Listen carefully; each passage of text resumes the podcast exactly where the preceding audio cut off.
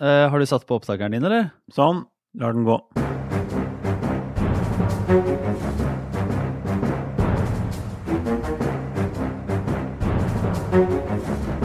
Nei, men så fint. Eh, Da er vi i gang med hva vi skal kalle det. En slags bonus, en ekstra eller et gjensyn med Aftenpodden. Vi holder frekvensen i disse ukene her. Starten av 2020 er travle dager, og nå har vi nok et lite innblikk i den store amerikanske virkelighet. Så vi har med oss Øystein Langberg fra Brooklyn. Ja, god ettermiddag. Ja, jeg er fortsatt i Brooklyn. Vi må jo inn i litt av denne riksrettssaken. Vi skal ha litt primærpolitikk også, men det skjer så mye, Øystein. Og ikke minst, det som skjer er stadig vekk så eh, rart og forunderlig at eh, vi må inn og se litt på det. Ja. Og nå lar vi politikken, eh, storpolitikken vente et lite øyeblikk, og så ser vi litt på hva det er som skjer innen den salen. For det er så mye merkelige greier. Det er jo ikke akkurat 2020 som lyser av, eh, av hvordan de har lagt opp de greiene her. Nei, nei det er litt, du får litt sånn House of Commons-følelse, kanskje. Britiske underhuset. Bare at det er, litt, det er jo litt andre regler. Her er det jo De starter med en bønn hver dag, for det første. Uh, hvor, det, hvor det oppfordres til at man skal ta en uav, gjøre en uavhengig vurdering og komme en uavhengig dom. Og så kommer det en slags trussel eller en advarsel fra en sånn tjenestemann som liksom har protokollansvaret i Senatet, som sier at hvis du, hvis du sier noe, så kan du havne i fengsel. Pisk og gulrot. Ja. Sånn, sånn starter det. Men altså, eh, hvis du sier noe, hva mener du med det? Hvis du sier noe stygt? Du må være stille. Du må være stille, du har ikke lov til å si noe. Dette, i, I denne saken så er jo senatorene de er dommerne, så de skal ikke si noe. De skal bare lytte til begge sider, legge frem sin sak, og så skal det komme en uavhengig dom til slutt. Det er sånn det i hvert fall skal fungere på papiret. Så de har ikke lov til å si noe, de har ikke lov til å ha med seg noe elektronikk inn, og de kan kun drikke vann og melk. Det, Men eh, ok, eh, melk, hva, hva skjer der? Nei, det er, det er noen sånne gamle protokollgreier. Jeg har prøvd å fiske litt i det, men det er litt sånn uklart akkurat for meg akkurat hvor det kommer fra. Men det er i hvert fall det som er reglene, og det starta jo ganske bra. Eh, folk har stort sett holdt seg stort sett våkne, de var ganske stille, men så har det så sklidd sånn skikkelig ut etter hvert. Og det er heller ikke lov til å ta bilder inne i salen. Kun, det er kun en sånn fast video som viser typisk den personen som snakker. Men journalistene har sittet og observert hvem som sitter og sover, hvem som sitter og løser kryssord. Eh, Det lager sånne eh, tegninger av hva som foregår der. Eh, Og det er noen som rett og slett bare ikke har dukka på plassene sine etter hvert. Så det håndheves ikke sånn fryktelig strengt, de reglene. Nå er noen som har blitt tatt, sånn som eh, det var, Jeg tror det var, det flere politikere i Norge som har blitt uh, busta for det. Men Trine Skei Grande ble jo tatt mens hun satt og spilte på mobilen sin her i en stortingsseanse for eh, noen år siden, før hun var statsråd. Og, eh, det skjer jo stadig litt sånne ting, men eh, er det bare at de kjeder seg, eller er det at de egentlig driter i det? Nei, altså, det, det er jo vanskelig. Den første sesjonen eh, varte og rakk til langt utpå natta. Det er vanskelig å sitte stille og, og holde fokus, selvfølgelig for alle, i, i, så mange, i så mange timer. Også for journalister som skal sitte og følge dette på TV. Du kan sitte hjemme i godstol. Verden, verdens mest tålmodige mennesker, ja, i journalister. ja. godstol, I godstolen sånn som meg. Og så, og, så, og så har jo høyresiden, Fox News sånn, kalt dette for liksom en, en kjedsomhetsfest, eller en snusfest, som, som Sean Hannity kalte det. Som sier det kommer ikke noe nytt her, ikke sant. Dette er bare de samme gamle argumentene om og om igjen. Men problemet for republikanerne, som fremstiller dette som, som så kjedelig, er jo at de samtidig nekter demokratene å kalle inn, inn nye vitner. Så her er det liksom to sider av denne saken. Og en som definitivt følger med, er Donald Trump, som tvitrer og tvitrer og tvitrer. Han satte ny Twitter-rekord på torsdag. Da skrev han 143 tweets på en dag. Det er sånn uh, Eivind Trædal, uh, gå hjem og vogg. Det er, uh, det er et utrolig trøkk, men har det noen påvirkning på dette her? De som, de som sitter i salen får jo ikke sett det engang, så det her er bare for omverdenen. Ja, Eller? men mye av det som foregår i salen, handler jo om omverdenen nå, og overbevise omverdenen. Altså, det store bildet her har jo hele tiden vært at Trump etter all sannsynlighet blir frikjent. Så, så for Trump og for demokratene så handler det jo i ganske stor grad om å overbevise det amerikanske folk og få de over på sin side til, altså til, til valgkampen i 2020 f.eks. og den type ting. Men Jeg bare tenkte på en ting. altså, Jeg eh, var jo korrespondent i Brussel før jeg flytta hit. Og jeg eh, har aldri hatt på sånn varsel når Trump tvitrer før. Men det har jeg følt at jeg måtte slå på nå, så jeg satte det på på flyet på vei over hit. Og det er jo noe av det verste jeg har vært med på. I Brussel så hadde jeg varsel på Jens Stoltenberg. Han tvitrer kanskje én gang i uka. Og dette er helt gal gale, Mathias. Jeg, jeg vet ikke hva Jeg jeg er en av de veldig, veldig, veldig, veldig få som har eh, Jeg har det fortsatt, det derre Trump-varselet, og nå merker jeg at nå er det de siste, særlig siste dagene og siste uka, så er det sånn dette, nå, nå, går det ikke mer. Nå er det helt umulig å skille en sånn eh, vik, altså Det var jo aldri viktige tweets, da, men det var jo ting som var sånn eh, Ok, her var det et eller annet som du måtte følge med på. Nå er det bare en evig strøm av sånne altså smått og stort, og, og det spinner jo helt. Og det er faktisk altså Dette er jo en gammel analyse, altså jeg skal ikke ta, gi meg sjøl noe veldig poeng for det her, men det er bare helt vanvittig at han faktisk sitter og gjør jobben som president samtidig med at du kan sende ut over 100 tweets eh, i løpet av et døgn. Det er, det er, jeg kan nesten ikke forstå at han sitter og gjør dette selv. Bruker liksom fingrene og sitter og skriver dette her på telefonen sin og, og sender ut. I de 143 da, så er det jo en del retweets også, det skal sies, så det er ikke alt som heldigvis skrives. Men, men, men det store bildet da, etter de første dagene av rettssaken var i hvert fall at, at eh, republikanerne kanskje ikke har vunnet så mange nye over på sin side. Eh, mange synes demokrater gjorde en ganske god jobb med å legge frem liksom en detaljert forklaring av hvorfor Trump var skyldig.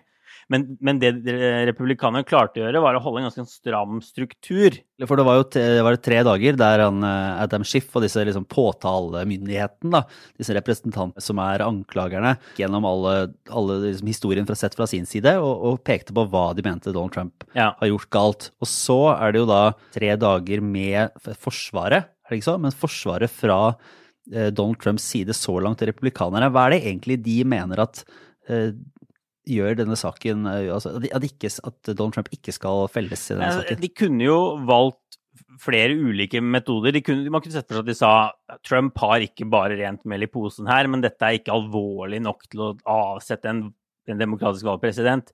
Men de har valgt seg mye mer på Trumps egen linje. Han har ikke gjort noe, noe galt overhodet.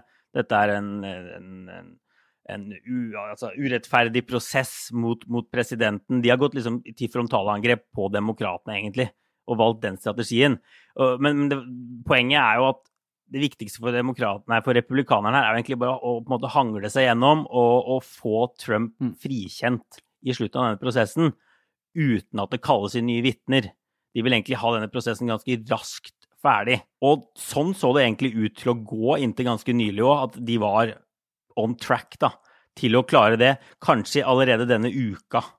Men så, så skjedde det ting.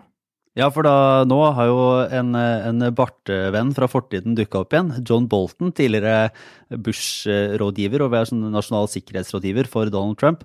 Men en litt sånn establishment-haukete fyr, da, som tidligere har vært uh, frykta fordi han har vært en, altså blitt sett på som en slags krigshisser. Han var veldig aggressiv i, spørsmålet om Iran, vært, vært veldig på der gikk inn, støtta ja. Trump, men han gikk jo av da etter hvert eh, i kjølvannet av hele denne Ukraina-saken, som han ja. ifølge kilder skal ha omtalt som en, eh, som en, eh, drug deal. Så han ville ikke være med på ja. dette her, da. En narkohandel, rett og slett. Ja. er ryktet. Og, og, og, nå har det altså dukket opp et bokutkast, plutselig. Som, som da skal ha sirkulert i, i Det hvite hus til en bok Bolten skriver på, som skulle inn til en sånn nasjonal sikkerhetssjekk eh, i Det hvite hus, formell, formell, sak, som plutselig har blitt lekket til New York Times. Og der så sier Bolton, da ifølge New York Times, at Trump helt tydelig og klart har sagt hvis ikke Ukraina eh, etterforsker Joe Biden, så kommer de heller ikke til å få utbetalt disse militære støttepengene, som jo er hele, dette, hele denne riksrettssaken handler om. Og problemet for demokratene nå har jo vært at de har mangla akkurat akkurat det beviset der De hadde veldig mange indisier, veldig mye som tyder på Det er ingen tvil om at Giuliani har drevet med mye rart i Ukraina, men at dette har kommet direkte fra presidenten. Og det er det Bolten nå, nå sier. Så nå har det oppstått en stor kamp om å kalle inn nye vitner. Og det er det de neste dagene kommer til å handle om også. Og da trenger vel eh, demokratene trenger bare å få med seg fire republikanere for å få eh, endra prosessen, sånn at de får nye vitner. Ja. De trenger jo uh, mange flere for for å, få med seg et flertall for å faktisk felle Trump, men de trenger ikke så fryktelig mange for å få, få inn nye personer. Det er mange herlige, små, rare absurditeter i Trump-Hvite uh, huset, men det var vel den boka til Bob Woodward om, om Trump-regjeringen, der, der det ble sagt at Trump egentlig ikke ville ha John Bolton fordi han mente at John Bolton hadde en for jeg vet ikke om skal si forutsigd, men han hadde bart. Og det gjorde at han ikke så ut som den liksom National Security Advisor. Han så ikke ut som den eh, rollen han skulle ha. For en av anklagene eller liksom sladderen om Trump er jo at han, han, er veldig opptatt av eh, liksom TV-looken. Altså hvis du skal være skal være en av hans menn, da, så må du se liksom, Du må look the part. Du må se ut sånn som den type folk skal gjøre, og det mente man at John Bolton ikke gjorde. da. Og det som, er, og det som jo blir hovedforsvaret til Trump her, er jo at han og John Bolton, da, da Bolton slutta i Det hvite hus, ikke var spesielt gode venner, og at Bolton kommer med denne informasjonen nå for å selge boka si og for å, for å ta revansj på Trump. Som jo Det er ikke helt, det er ikke helt usant, ja. som jo er et ja, et forsvar vi helt sikkert kommer til å høre mye, og som ikke er sikkert ikke tatt helt ut av det blå. Og nå har det også dukket opp på Amazon mulighet til å kjøpe denne boka da, i løpet av det, det, siste døgnet. Så det blir veldig spennende å se, men det er her det, det store slaget om riksrett nå kommer til å stå, om det blir nye vitner. Og antageligvis, da, før denne bok, dette bokutkastet, så så det ut til at det ble veldig vanskelig for demokratene å få med seg noen republikanere på å kalle nye vitner. Nå ser det mm. mer sannsynlig ut. For det er en god del av disse republikanerne, en håndfull i hvert fall, som er i liksom vanskelig situasjon. Eh, hvor de må også prøve å få med seg noen demokrater for å klare å bli gjenvalgt, f.eks. til høsten, ja, til Senatet. Så de må prøve å spille en liksom moderat mellomposisjon, og det er ikke så lett når Trump er president. En ting jeg har lurt på, som jeg rett og slett ikke har forstått helt der, er at altså, hva heter han, altså, høyesterettsjustiarius, eh, John Roberts, sitter og har en rolle inni dette her. Ja. Og er, er, hva er det han egentlig skal gjøre? Nei, Han er jo på en måte ikke dommeren, for det er jo senatorene. Han, han leder egentlig bare på en måte rettssaken. Ja, Litt sånn fagdommeraktig, eller, eller kommer han til å si ja, sånn ja. 'jeg mener dette, dette, altså her burde dere gjøre noe', eller er det sånn at han bare sitter og, og styrer uh, sirkuset? Nei, han, han kjefta på folk for litt sånn ufin språkbruk her om dagen og sånn, og så skal han Uh, når, når, når, nå disse liksom, åpningsargumentene er ferdig, så skal senatorene få stille spørsmål. Men selv ikke da får de lov til å si noe. De må sende inn spørsmål skriftlig til han, og så skal han lese de opp. Og Da velger han ut spørsmål, f.eks. Så han har en sånn administratorrolle. Det er jeg faktisk spesielt. Eh, litt tilhenger av. Fordi jeg har sett noen av de høringene også i, i Representantenes hus.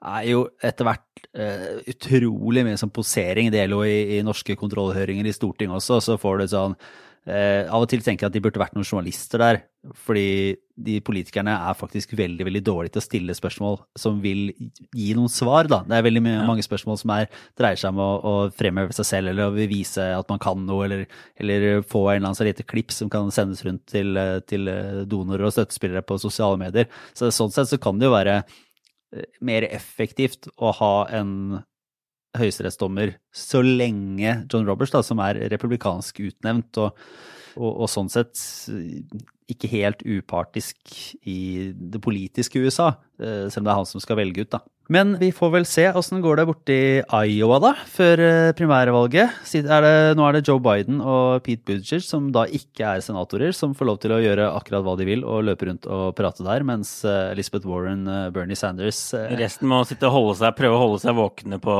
i Senatet. Det er ikke sikker på om de klarer helt. Ja, nei, de klør nok i fingrene etter å komme seg ut og begynne å drive kampanje igjen, de andre. Men ja, det er Biden og Buttigieg som, eh, som, holder det gående. Og, men, men, det som er interessant å se på målingene, er jo at Sanders har virkelig vind i seilene om dagen. Selv om han er stuck i Senatet. Han, han siger frem og kan fort vekk ja, Målingene spriker veldig i Iowa, da, men, men, på en god dag kan Sanders eh, vinne hele greia. Og da blir det veldig spennende å se hva som skjer mm. uh, med establishmentet i Det demokratiske partiet, hva de kommer til å gjøre. For da er det plutselig fullt mulig at Sanders kan bli presidentkandidat i 2020. Mm. Jeg synes det er litt sånn rart med noe av de amerikanske målingene. Jeg skjønner ikke helt Jeg burde kanskje forstått det, men jeg ble litt overraska da jeg leste om noe av dem, at de er jo faktisk ikke ikke større, altså utvalget i mange av de målingene, som også er nasjonale målinger, men, men eh, nå også i, i, hver stat, er faktisk ikke større enn det du har på en vanlig sånn partimåling i Norge. Det er omtrent 1000 respondenter, og det regnes som en god ja. måling. 800-900 ja, for nasjonale målinger, ja, meningsmålinger i USA. Det er færre enn det vi i Aftenposten eh, gjør når vi skal ha en partimåling. Det virker liksom, det er, det er jo sikkert statistisk sett akkurat det du trenger, da, så det er ikke noe poeng å ha flere. Ja da, det er ikke om å spørre flest best, vet du. Nei, du må spørre de rette. Nei, og, men, men, i, men, i, Iowa er det vanskelig. De sier målingene må tas med en klype salt, og de spriker veldig. Uh, men det, er ikke, altså, det er ikke med, har ikke med utvalgsstørrelsen nødvendigvis å gjøre. Det har med hvordan, hvordan de skal stemme og hele det der merkelige systemet de har i Iowa. Da. Med det så kan jeg egentlig fortsette inn i det som vil være min lille ukens uh, amerikanske obligatoriske refleksjon som er en, en spesialpodkastserie i tre episoder fra 538. De som er en sånn ja, veldig god politisk podkast som, som, går hele, hele, året. Men de lagde da en, en egen utgave på disse primary-valgene og valgsystemet, og hvordan de skal pakke sammen og få til en finne kandidater til de ulike partiene. For det er jo egentlig det systemet det egentlig, De velger egentlig partileder, på en måte. For det er jo det dette systemet egentlig handler om. Og det er det de gjør et poeng ut av den podkasten. Ja, for der eh, ser de jo blant annet til Norge, og det er jo litt sånn typisk eh, at liksom liberale amerikanere ser til Skandinavia for å, for å, peke på hvordan man gjør ting. De ser det til Norge, og ser det til Israel, og ser det til Irland, og, og litt ulikt. Og eh, det er jo interessant å se litt sånn med utenlandske øyne hvordan vi gjør det i norsk politikk. Og der eh, ser de jo litt mm. på ulike sånn åpenhetsgrad, blant annet, i disse valgene. Og ser at i USA så kan jo nesten hvem som helst velge. I Norge så er det jo partiene, da. Ja, de omtaler jo det norske valgsystemet som, liksom, som et eksempel på noe veldig udemokratisk. I mange amerikanske stater så kan jo hvem som helst som bare kaller seg demokratisk supporter eller støttespiller, stemme over hvem som skal bli lederpartiet da, inn, inn i valget. Uh, mens i Norge så er det jo ikke så lett for en vanlig person å være med å avgjøre om, om Jonas Gahr Støre eller Trond Giske skal være partileder. Det er en vesentlig mm, ja, mindre transparent prosess. På godt og vondt. For det, I Norge så, så, vil jo partiet og lokallagene ha veldig altså lokal, Hvert enkelt lokallag vil ikke ha så mye å si, men det er jo ikke hvermannsen på gata som får lov til å være med å bestemme at uh, Jonas Gahr Støre blir leder i Arbeiderpartiet eller Erna Solberg leder i Høyre. Det er jo en sånn, det er jo et langt langt arbeid som starter eh, eh, lenge i forveien, der du har en valgkomité som samler innspill fra, fra hele, hele, partiet i utgangspunktet, og så kommer med en liste med kandidater og så forhandler seg fram til noen anbefalinger. Da. Og så må det jo på et landsmøte så velges da lederen, og da kan det eventuelt utfordres, eller det kan være to kandidater og det kommer inn med en delt innstilling. Men det er jo ganske annerledes enn at den amerikanske modellen, der egentlig hvem som helst kan si at nei, jeg er høyrepolitiker og jeg vil utfordre Erna Solberg. Og så kan dra med seg en hel, et helt ras med, med folk som, som, utfordrer eliten, som som ja. du har sett i, egentlig da både i USA med Donald Trump, og ikke minst i Storbritannia med, med Corbyn, da, som kom inn og var en sånn helt på utsida-kandidat. Men selv i Storbritannia så var det jo en sånn silingsprosess på forhånd hvor parlamentet velger ut fire-fem kandidater. Så slang de på Corbyn bare for å ha noe til ytre venstresiden, og så ble det han. Men selv der er det en ganske sånn strikt silingsprosess. Eh, det, altså, det ville vært helt sånn fascinerende å tenke på hvordan et primærvalgopplegg i Norge ville vært. hvor liksom hvem som helst fra hvert nes i, i Arbeiderpartiet kunne bare kasta seg på i lederkampen, og så skulle hele landet stemt. og så var det Trond Giske var med, Hadia Tajik var med, kanskje Jonas Gahr Støre var med, kanskje en fagforeningstopp var med. Uh, og så var det helt uavklart på forhånd hvem, hvem, hvem En eller annen person som kommer inn fra, liksom fra Rødt, da, som sier ja. at nei, nei, nå, nå, skal jeg være Arbeiderpartiperson, og, og fyrer opp på en type en, ja, en politisk retorikk fra, som egentlig kommer fra utsida. Ja. Så, men, så det var jo litt paradoksalt, da. Så sier jo faktisk i denne podkasten til 538, og, og som forskere også har sagt, at det lukka systemet er jo faktisk noe som ofte gir bedre representasjon for ulike grupper og større mobilitet og, fleksibilitet enn en, eh, et, et, rent primærvalg, der det har veldig mye å si hva du har av penger, og, og, og det har veldig mye å si om du har makta fra før. Da. Så, kan, så, sånn sett så er det, det, er, liksom, det er for og imot på, på, begge sider. Men det er interessant å høre på. Så det er lettere å holde et parti samlet. Det, det gjør det også et poeng ut av mindre sånn personkult. Altså, det, Faren f.eks. i den demokratiske primærvalgkampen er at partiet blir revet totalt i filler. ikke sant? Uh, Bernie Sanders-tilhengerne nekter å stemme på, på, de som stemte fram Biden, da, hvis det er han som blir kandidat, f.eks. Og sånne ting kan du unngå i, i, en mer sånn lukket partiprosess. Ja, ikke sant. Eh, og du Øystein, eh, når du sitter her eh, i Brooklyn og forhåpentligvis er ute og, og sjekker livet, har du tenkt deg ut en obligatorisk refleksjon denne uka? Ja, jeg har tenkt, ut, jeg har tenkt litt på i, i, Norge så Før jeg dro det siste året, så hadde jeg veldig god erfaring med, med matkasser. Jeg prøvde å bestille sånn eh, mat levert hjem på døra, det var liksom ikke helt Funka ikke helt, men å få ferdig sånn middagsretter med oppskrifter hjem var kjempebra. Og etter hvert så, så vrei jeg kona mi oss over på noe som heter Grete Rode-kassa, for å få noe litt sunnere. Og vi tenkte å prøve å finne noe lignende her i USA, og vi, vi, vi fant Men er ikke, dette en sånn der, er ikke det en sånn podkastannonsør som alltid går igjen, som har et eller annet sånn derre jo, jo, jo. Som leverer på sånne ting jo, det er, det er flere av de. Det er noe som heter Go Fresh, og så er det noe som heter Blue Apron. Det er flere, det er flere som man kan velge mellom.